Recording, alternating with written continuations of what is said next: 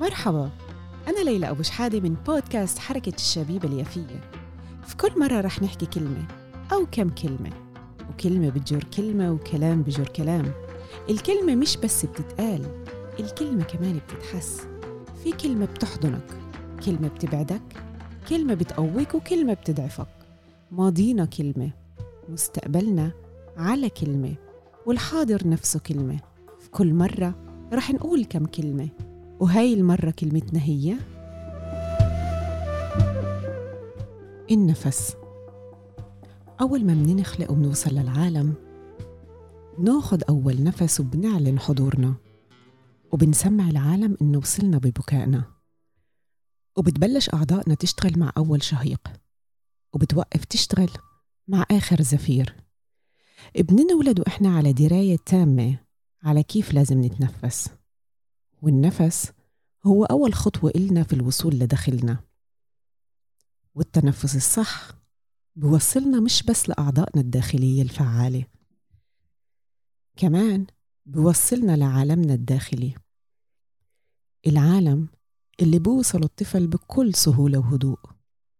راقبوا الأطفال وهم نايمين وركزوا كيف نفسهم بيكون هادي وكيف البطن بيطلع وبينزل. بكل انسيابية وطمأنينة. وبنكبر. وبنتجاهل النفس اللي هو شيء أساسي ومركزي لكينونتنا كبشر جسديا نفسيا وروحيا. وبننسى كيف نتنفس. وبيتحول نفسنا لعملية اللي بتوصل الأكسجين لأعضائنا الداخلية. عشان بس تشتغل. يعني بتحول نفسنا اللي هو سر من أسرار وجودنا لشيء تقني بحت. نفسنا بيصير أقصر أسرع وأحيانا مؤلم. لو أخذنا نفس حقيقي وركزنا كنا فهمنا إنه النفس بعيد كونه مؤلم بعيد كونه تقني بعيد كونه أداة. فكروا معي. في الحالات اللي كنتوا فيها بخطر أو تهيأ لكم إنكم بخطر. تتذكروا كيف تنفستوا؟ صح. أنتوا أساسا ما تنفستوا اللي صار إنه نفسكم وقف وجسمكم دخل في حالة اللي معروفة باللغة الإنجليزية. Fight, flight, freeze response. وهاي ردة فعل جسمكم الطبيعي تجاه الخطر. نفس ردة الفعل اللي ورثناها كلنا من أجدادنا من العصر الحجري. الحالة بتساعدكم بالرد على التهديدات المتصورة وفوراً بصير تغييرات هرمونية وفسيولوجية اللي بتسمح لكم إنكم تعطوا ردة فعل فوري. هاي اسمها غريزة البقاء. وال fight flight freeze response هو رد فعل دفاعي إنك تقاتل أو تهرب. بهاي الحالة بدخل الجسم في حالة صدمة وبيبدأ يفرز أدرينالين وكورتيزون والخوف بصير سيد الموقف.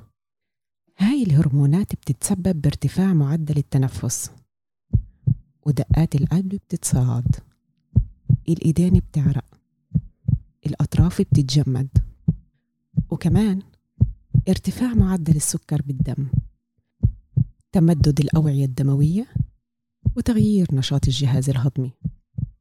كل هاد علشان الجسم يعرف يتعامل مع التهديد اللي أحيانا كتير بكون وهمي. حالة تجمد معلقة للقتال أو الهرب. ما بتكونش قرار واعي وبيكون رد فعل تلقائي. عشان هيك أنتوا نفسكم صعب تتحكموا فيه. على الرغم إنه جسمكم. علشان نرجع الجسم لحالته الطبيعية والتقليل من دخول الجسم لحالة التجمد في كتير من الأوقات مش مطلوب منكم غير إنكم تغمضوا عينيكم تاخدوا نفس نفس عميق وتهدوا وترددوا كلمة اللي بتهديكم أو الصلاة. وتتخيلوا الصورة السليمة للموقف. علشان نخفف من دخول الجسم لحالة التجمد لازم طريقة التنفس السليم تتحول لروتين يومي. في اللي بفضل يعمل يوغا وفي اللي بحب يسترخي. أما طريقة التفكير الإيجابي فحدث بلا حرج. والصلاة عامل كتير مساعد. يلا معي. قولوا بسم الله. غمضوا عينيكم. خدوا نفس.